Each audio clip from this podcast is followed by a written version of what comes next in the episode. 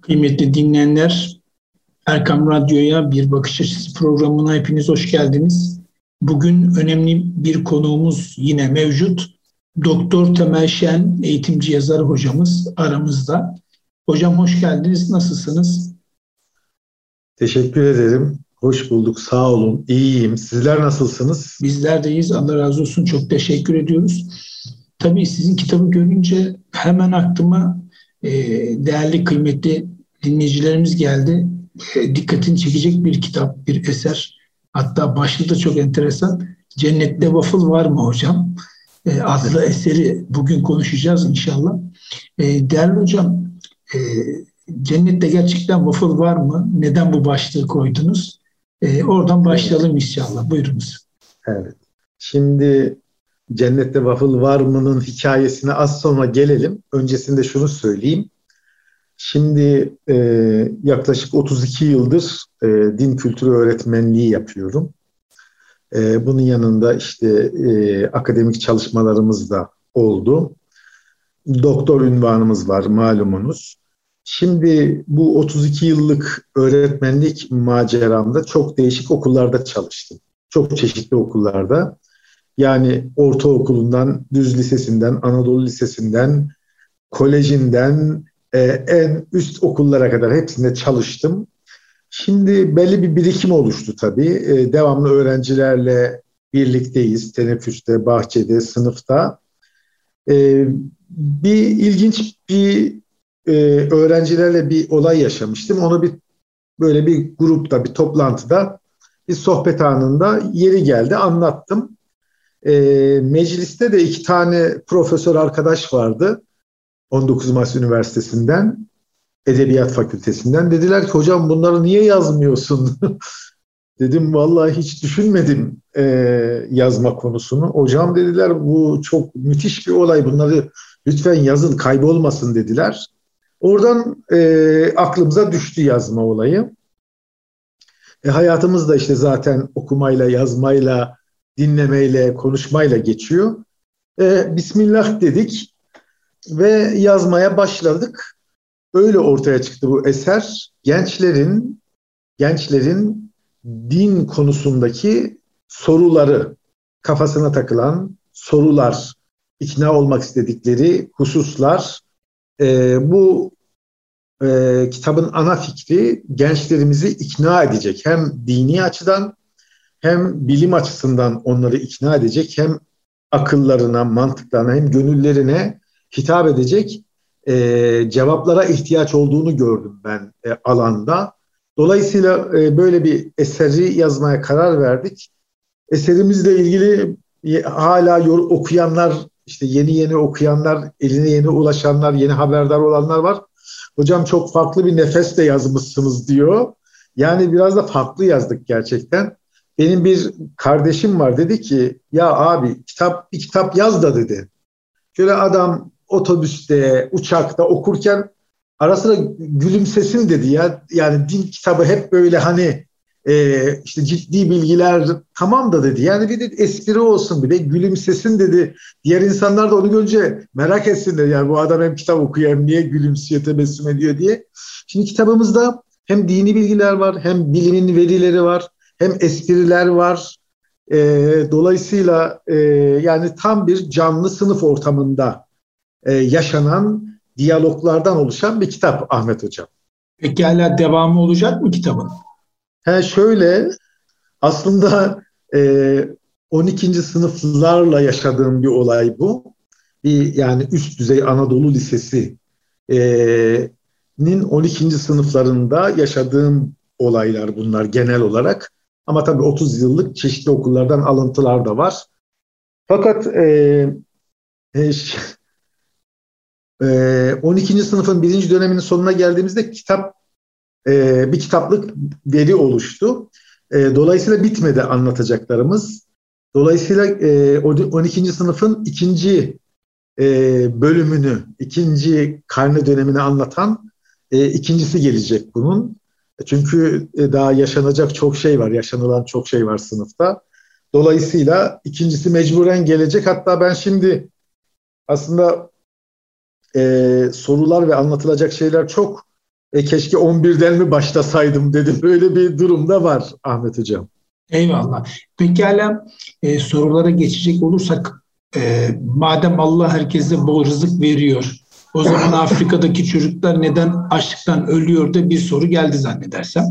E, evet. Bunu e, nasıl açıklayalım? Buyurunuz. Şimdi Ahmet Hocam şöyle yani sınıfta bir grup öğrenci var aman Allah'ım dehşetler. Yani bana ders yaptırmıyorlar, bana göz açtırmıyorlar. Daha sınıfa giriyorum, sınıf defterini imzalayacağım, yoklamayı başkandan alacağım. Eller böyle, eller havada. Hocam sorularımız var, hocam sorularımız var. Ee, şimdi benim e, din kültürü öğretmeni olarak şöyle bir tarzım var. Bunu bizi dinleyen e, aynı branştan arkadaşlarımıza da öneriyorum. E, ben çok faydasını gördüm bu e, yaptığım çalışmanın. Ben her hafta öğrencilere e, Kur'an-ı Kerim'den bir sure veriyorum. Diyorum ki çocuklar mesela Rahman suresi haftaya bu surenin mealini yazıp gelin diyorum. Mealini yazıp gelin. E baştan tabii bir itiraz ediyorlar. Hocam işte uzun işte bu. Diyorum çocuklar rahat olun, sakin olun. Böyle sevginizi katarak yazın. Dönem sonu performans notu olarak 100 vereceğim. Garanti diyorum. Ha öyle mi hocam diyorlar. Ee, öyle anlaşıyoruz onlarla ve o yüzleri veriyorum. Şey yapmıyorum. Yani sevgiyle yazılmışsa, e, özenerek yazılmışsa yüz veriyorum. Şimdi bir de bir bu e, tarzımızda bir şey daha var. Diyorum ki anlayamadığınız ayetlerin başına soru işareti koyun renkli kalemle. Böyle bir de olan bu ayet çok ilginçmiş, çok dikkatini çekti dediğiniz ayetlere de bir yıldız koyun diyorum. Ben sınıfta size soracağım. Yıldızlı ayetini oku. İşte Ahmet, Merve soru işaretli ayetini oku. Ben onları size açıklayacağım diyorum. Şimdi bu öğrencilere de işte Afrika'da çocuklar neden açlıktan ölüyorlar e, o soru şöyle geldi. Rahman suresini verdim onlara. E, dedim ki e, Rahman suresini yazıp gelin. Şimdi geldiler. Şimdi daha sınıfa girdik. Eller havada şimdi hemen. O grubun özellikle. Ne oldu dedim. Hocam sorularımız var dediler. Ne soracaksınız dedim. Hocam burada bir ayet var. Surede devamlı tekrar ediyor. Febeyye alâ rabbikum tükezziban ayeti. Hocam diyor işte 13, 16, işte 19, 24 bu ayetlerde tekrarlıyor diyor.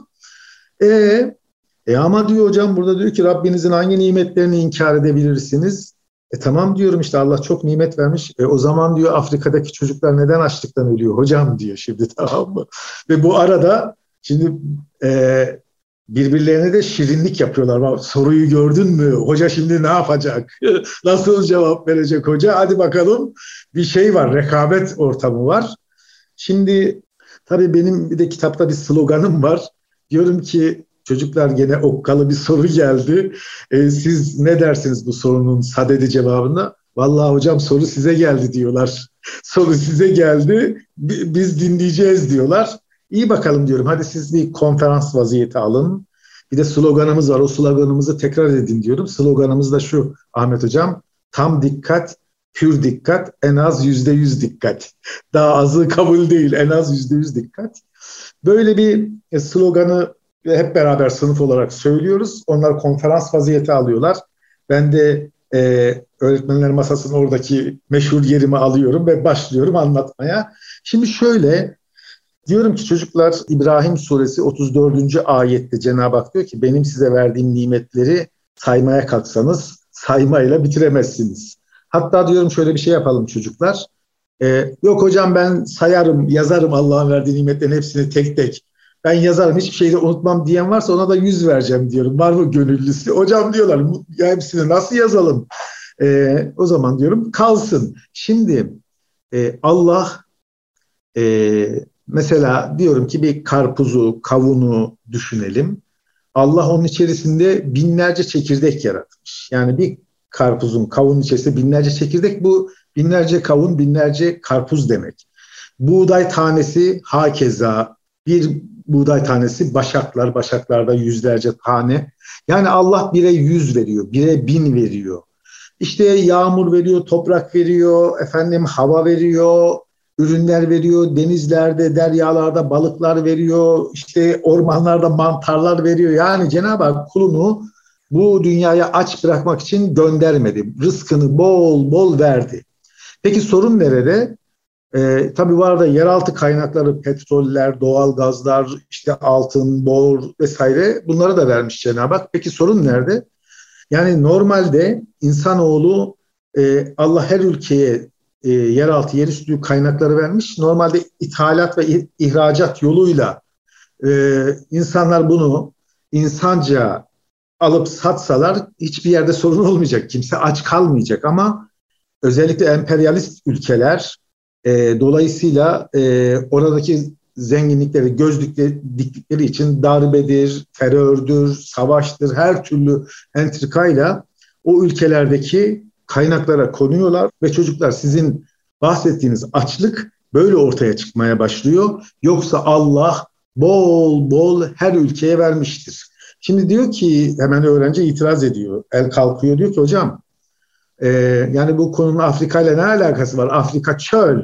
Çöl yani ya diyorum ki tamam Afrika'da çöller de var ama Afrika kıtası bilmediğiniz bir şey söyleyeyim size diyorum. Aslında yeşil bir kıtadır. Yeşil bir kıtadır Afrika kıtası. Yani belgesellerde görüyoruz gidenler gelip anlatıyor. Tamam çöller var ama kalan bölümü yem yeşil bir kıta e, Afrika.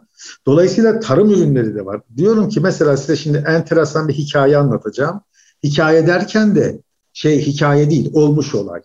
Mesela Ken, Kenyatta'dan bahsediyorum onlara. Kenya Devlet Başkanı'nın e, söylediğini söylüyorum onlara. Diyor, diyor ki Ke, e, Kenyatta, e, biz biz vaktiyle zengin müreffeh bir ülkeydik. Narenciye çiftliklerimiz vardı, muz çiftliklerimiz vardı. Biz çok zengin bir ülkeydik. Fakat ne zaman ki ülkemize Avrupa'dan, Amerika'dan misyonerler gelmeye başladı, e, ellerinde İncil'ler var, çeşitli e, meslek gruplarından misyonerler geldi. Diş hekimi, doktor, müzisyen, öğretmen e, e, kılığında misyonerler geldi. Onların elinde bir tek İncil var. Bizim de narenciye çiftliklerimiz var, muz çiftliklerimiz var, zenginiz. Sonra bize e, Hristiyanlığı anlattılar. İsa Mesih, İsa sevgi, İsa kardeşlik dediler. Gözlerimizi kapatıp dua et, e, dua etmemizi istediler. E, sonra e, bizim de ilkel bir e, ilkel kabile dinlerimiz vardı. Baktık ki bunların anlattığı daha iyi bir şey. Bıraktık kendi ilkel kabile dinlerimizi. Hristiyan olmaya başladık. Birer, ikişer, beşer, onar. Sonra aradan yıllar geçti. Gözlerimizi bir açtık baktık ki e, ne olmuş? İncil bizim elimize geçmiş. Çiftlikler onların eline geçmiş.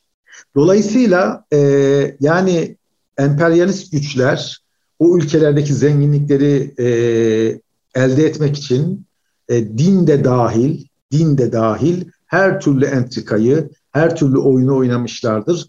Dolayısıyla o ülkelerin zenginliklerine el koymuşlardır. Benzer bir hikayeyi de yine e, Senegalli e, Osmane diye birisi benzer bir hikayeyi aynı şekilde anlatıyor. Yine başka örnekler verebilirim çocuklar size diyorum. Mesela Sierra Leone e, elmas yatakları, madenleri var orada. E, hemen bir tanesi atılıyor diyor ki hocam bir tane otel diye film var diyor. O, o bu konuyu işliyordu. Tamam diyorum.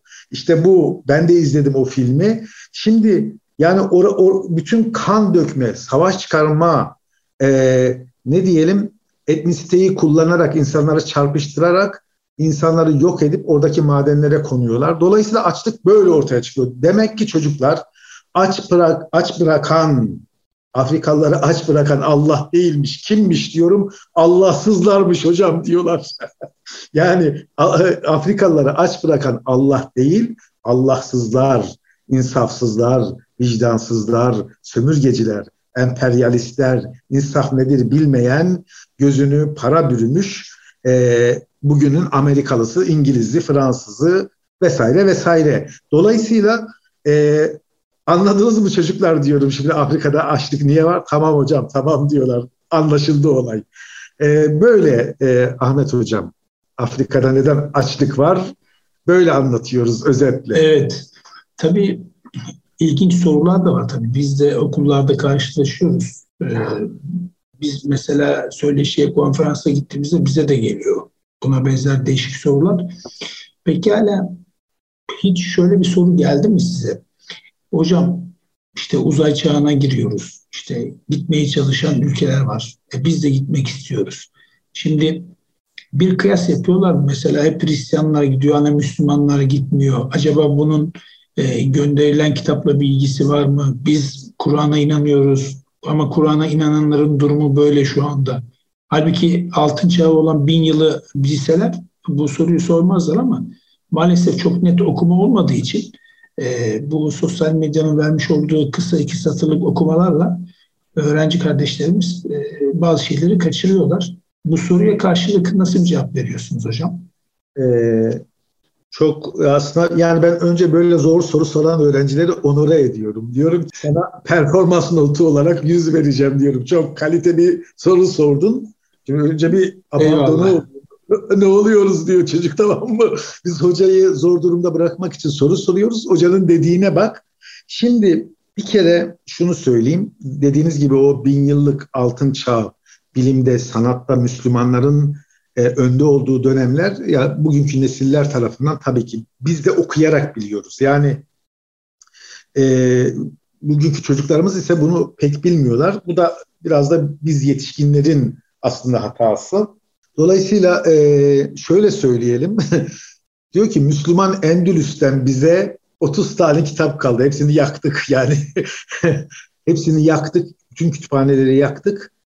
30 kitap kaldı. Onunla diyor atomu parçaladık. Eğer yakmasaydık o 1 milyon kitabı yarısı kalsaydı şu anda galaksiler arasında gezecektik diyor. Nobel ödüllü bir batılı söylüyor bunu. Bunu kitabında da ben... E, evet, Fransız fizikçi. Evet, Fransız fizikçi ismi hatırıma gelmedi. Pierre, eşi de onun şey bilim insanı. Evet. Neyse birazdan gelir belki hatırımıza. Şimdi yani e, uzayla ilgili ilk çalışmaları tabii Müslüman alimler yapmışlardır. İlk teleskopları, ilk tespitleri. E, Orta Çağ'ı yaşarken Batı e, dünya dönüyor, dönüyor diyen Galile'yi efendim e, çarmıha gelme cezasıyla cezalandırılmak üzere mahkum ederken e, Kur'an diyor ki işte güneş, ay, yıldızlar kendi yörüngesi etrafında dönüyor ve akıp gidiyorlar. yani e, dolayısıyla Müslümanlar için bunlar yeni bir bilgi değil ve Müslümanların aşina olduğu bir yer gök, sema, gökyüzü. Dolayısıyla da müthiş çalışmalar yapılmış zamanda. Ama sonra Müslümanlar e, bazı sebeplerden dolayı e, bilimsel çalışmalardan uzaklaşmışlar. E, burada da tabii oralara girersek çıkamayız uzun konular.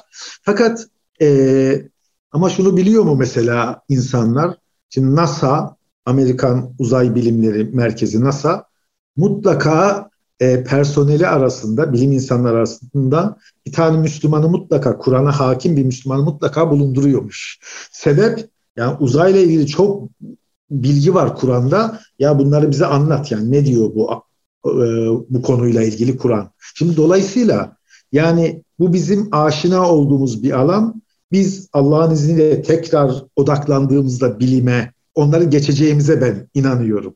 Dolayısıyla şimdi 1400 yıl önce indi Kur'an. Biraz eskimedi mi? Ama Kur'an'ı şimdi Kur'an'a baktığımızda Kur'an'da öyle ilginç ayetler var ki diyor ki e, Rabbinin katında bir gün sizin saydıklarınızdan bin yıl gibidir.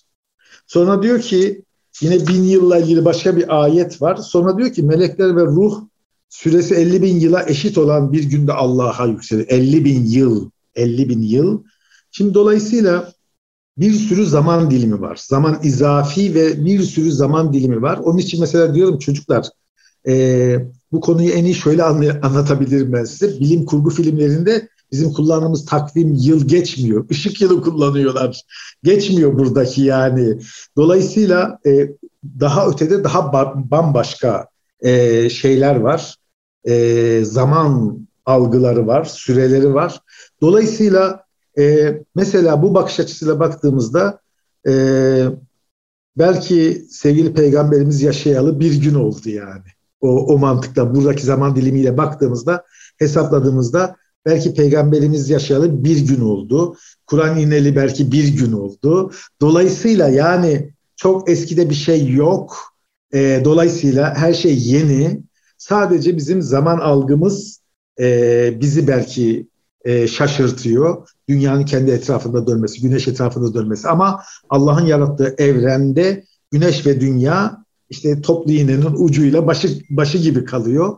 Dolayısıyla e, bu açıdan da bu konuyu izah ettiğimizde, zaman olayını anlattığımızda gençlere evet. e, Kur'an'ın indiği dönemin çok da eski olmadığını, aslında yeni olduğunu e, anlayabiliyor. Değerli hocam, tabii okumak, araştırmak bizim aslında geçmişimizde olan hakim olduğumuz bir alan ama maalesef son 200 yıldır, 300 yıldır bazı bilim insanları, alimlerimiz bunu da beyan ediyorlar. E, okumayı bırakınca tabii birçok şeyi de bırakmış oluyoruz. Değerli hocam kısa bir ara verelim. Kaldığımız yerden devam edelim. Sevgili dinleyicilerimiz programımıza kaldığımız yerden devam edeceğiz inşallah. Kıymetli dinleyenlerimiz bakış açısı programımız devam ediyor. Tabii eğitimci yazar Doktor Temel Şen hocamızla beraberiz. Ee, hocam ilk bölümde bahsettiğimiz üzere e, okumayı unuttuk tabii. Okumayı tekrar ele aldığımızda bu milletin, İslam dünyasının neler yapabileceğini zaten herkes biliyor. Ee, ilk bölümde Pierre Curie, Fransız evet. e, bir evet. Nobel ödüllü fizikçi kendisi. Evet. Ee, Endülüs'ü yakından takip eden birisi olarak söylüyorum.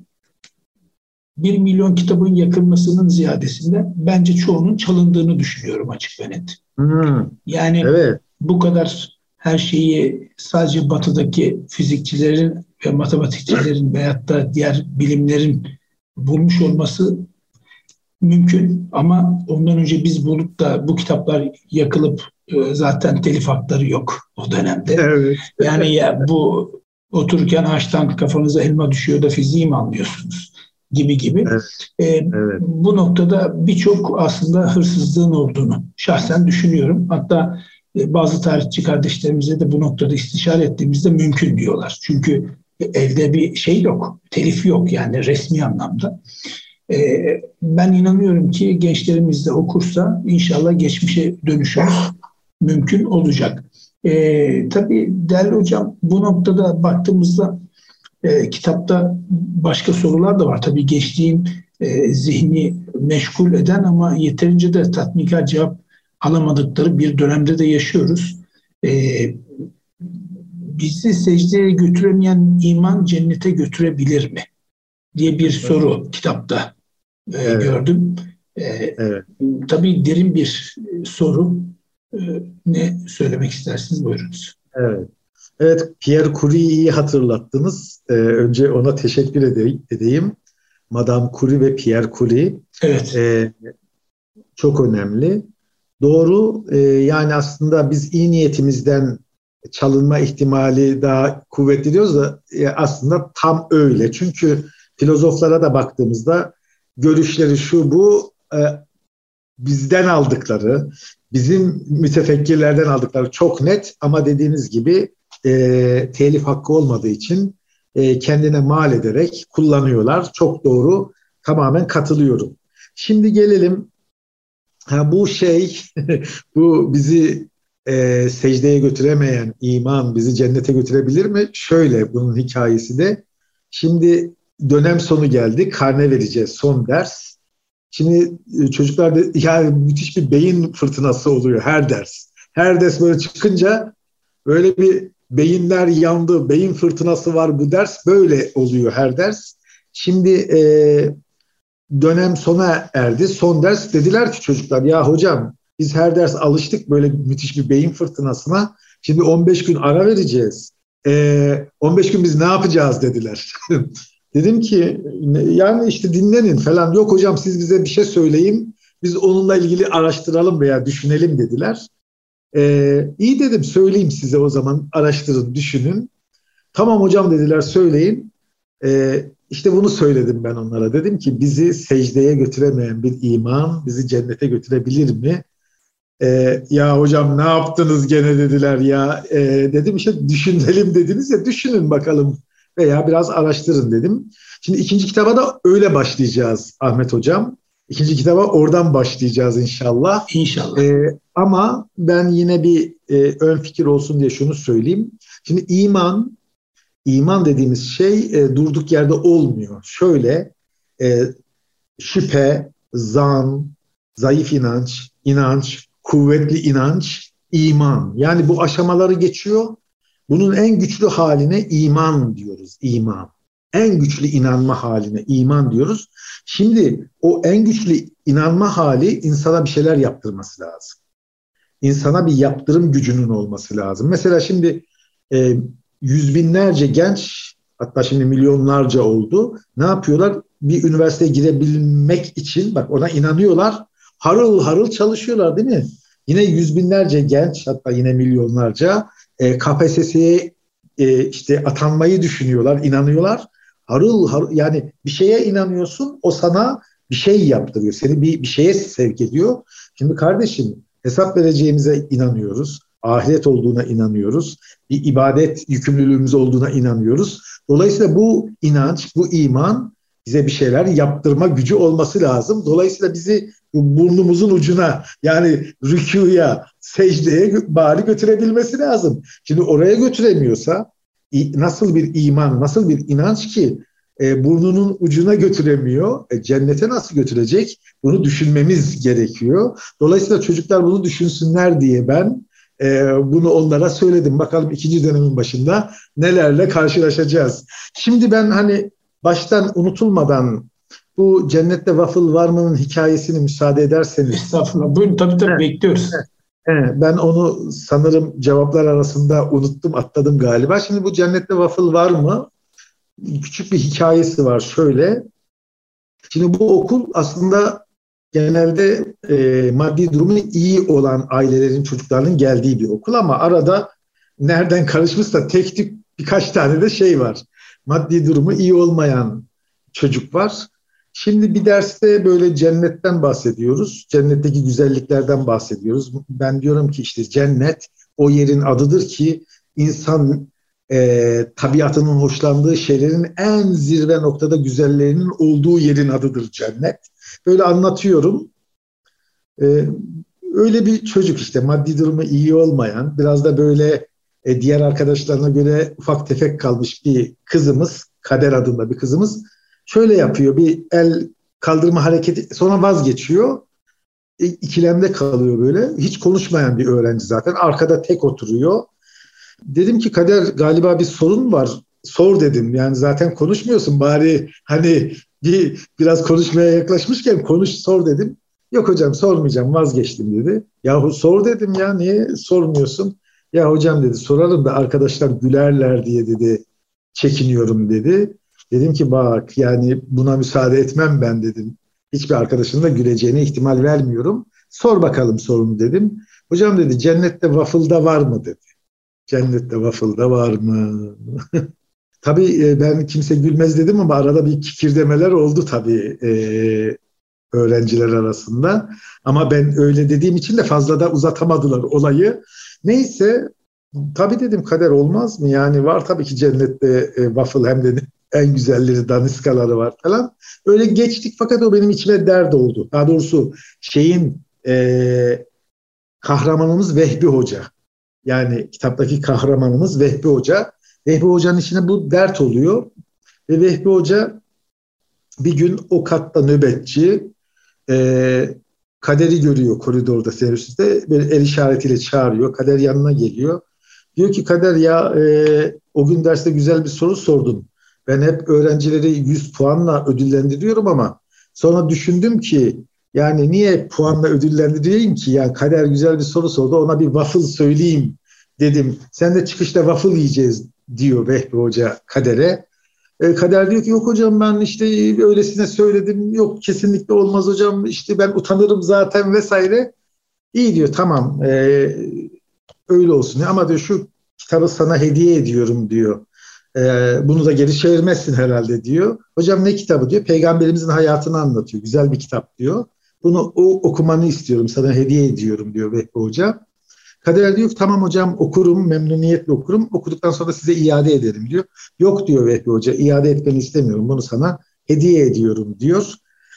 Sonra tamam teşekkür ederim hocam diyor. Kitabı alıyor gidiyor şey e, Kader. Hocam Ertesi hafta o zaman yine... parantez içerisinde kitabın telif hakkı Kader'e ait o zaman. evet doğru doğru. Biz de Pierre Cury'ler gibi yapmayalım. Yani. evet evet. Şimdi Şimdi bir hafta sonra yine Vehbi Hoca aynı koridorda nöbetçi. Kader geliyor. İşte hocanın arkası dönüp camdan dışarı bakıyor hoca. Arkadan sesleniyor hocam diyor. Dönüyor bakıyor Kader.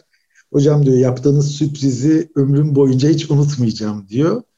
Yok canım bir şey yok diyor Vehbi Hoca. E, yok hocam diyor. E, eğer diyor kitabın arasına yazdığınız notta e, eğer dediğimi yapmazsan sana küserim, çok darılırım demeseydiniz e, kesinlikle o parayı geri getirecektim diyor. Ama diyor o parayla kardeşimle gittik diyor. Waffle yedik diyor. Adını çok duyup da hiç yemediğimiz waffle'ı yedik kardeşimle diyor. Hocam size e, çok teşekkür ederim diyor. Böyle bir hikayesi var şeyin. E, Cennette Waffle var mı'nın. Küçük ama böyle dokunaklı bir hikaye. Onun için bu kitaba da isim oldu sonradan. Cennette Waffle var mı hocam? Şimdi burada bir siz söyleyeceğinizi unutmayın. Ben bir şey daha söyleyeyim. Ee, yani kitaba bakan Cennette Waffle var mı deyince yani e, bir tanesi yorumlara yazmış yayın evinin yorumlarına görürsünüz dinde dalga geçiyorsunuz falan gibi yorumlayanlar da olmuş. Yani böyle öyle değil. Oradaki yoruma da ben yazdım zaten. Okuduğunuzda böyle düşünmeyeceksiniz. Kitabı lütfen okuyun dedim. Yani gerçekten çok ciddi sorulara e, çok ciddi e, cevaplar verilmiş. E, çok dolu dolu bir kitap. Özellikle gençler için çok dolu dolu bir kitap. Yani gerçekten şu andaki gençlerimize hava gibi, su gibi ihtiyaç. Yani dışarıda aldığı hava gibi, içtiği su gibi ihtiyaç olan bir kitap. Çünkü şimdi hocam siz de yaşadınız mı bilmiyorum. Ben çok yaşadım bu şeyi. Şimdi bir çocuk var karşında kıvranıyor yani bir şeyler öğrenmek istiyor. Ya al çocuğum şu kitabı oku, e, öğrenirsin, anlarsın. Ya kitabın dil, dilinde sorun oluyor. Bazı çocuğun anlayamayacağı tabirler, kelimeler, kavramlar oluyor. Ya bambaşka bir yere kanalize olmuş bir şey. Yani gönlünüzden coşa coşa şu kitabı oku evladım sana bu e, oldukça yararlı olacaktır diyeceğimiz kitap seçmekte zorluk yaşıyoruz. Bu kitabı gözün kapalı, istediğin gence ver, e, sana dua etsin. Yani e, dolayısıyla e, gerçekten işte okuyan yani bizim mesela branştan arkadaşlar okuyor. Onu da söyleyeyim. Şimdi bu kitap aslında e, bizim branş, din kültürü branşındaki arkadaşlara Şimdi onlardan da çok yorum aldım ben. Mesela bir, tanesi diyor ki hocam ikinciyi ne zaman yazacağım diyor. Diyorum ki çalışıyorum üzerinde. Ya hocam diyor ben derste sizin kitabı işliyorum diyor. Derste ben sizin kitabı işliyorum. Dolayısıyla çabuk yaz diyor ikinciyi işleyeceğim. Arkası gelsin. He, yani şimdi bizim arkadaşlardan özellikle çok güzel geri dönütler alıyorum. Hocam diyor benim mesleğime bakışımı değiştirdiniz siz diyor. Diyorum nasıl yani ya hocam diyor ben kızıyordum önceden çocuklara böyle sorular siz diyor 100 puan veriyorsunuz diyor ödüllendiriyorsunuz çocukları diyor. Yani benim diyor bakış açım değişti diyor. Şimdi dolayısıyla din kültürü öğretmenlerine müthiş şeyler var burada. 32 yıllık bir birikim var. Bir, iki normal diğer branştan öğretmenlere de bu sınıf yönetimi açısından güzel şeyler var. Sınıf yönetimi açısından. E, Milli Eğitim Bakanlığı'na da bazı ya satır aralarında bazen de e, direkt şeyler de e, söylüyorum aslında. Yani bu yaşanmışlıklardan, tecrübelerden dolayı. Yani burada bir emek var, bir güzellik var. Ee, inşallah bu böyle dalga dalga göle atılan taş gibi e, yayılacak inşallah Ahmet Hocam. İnşallah süremiz tabii çok azaldı ama şunu sormak istiyorum. Ee, az önce de söylediniz gençlik gerçekten aslında bir şeye ihtiyacı var. Yani bir susuzluk çekiyor ama çevrede de e, dokunaklı bu sorulara cevap verebilecek kapasitede insanlarımız nedense gözükmüyor. Var ama gözükmüyor.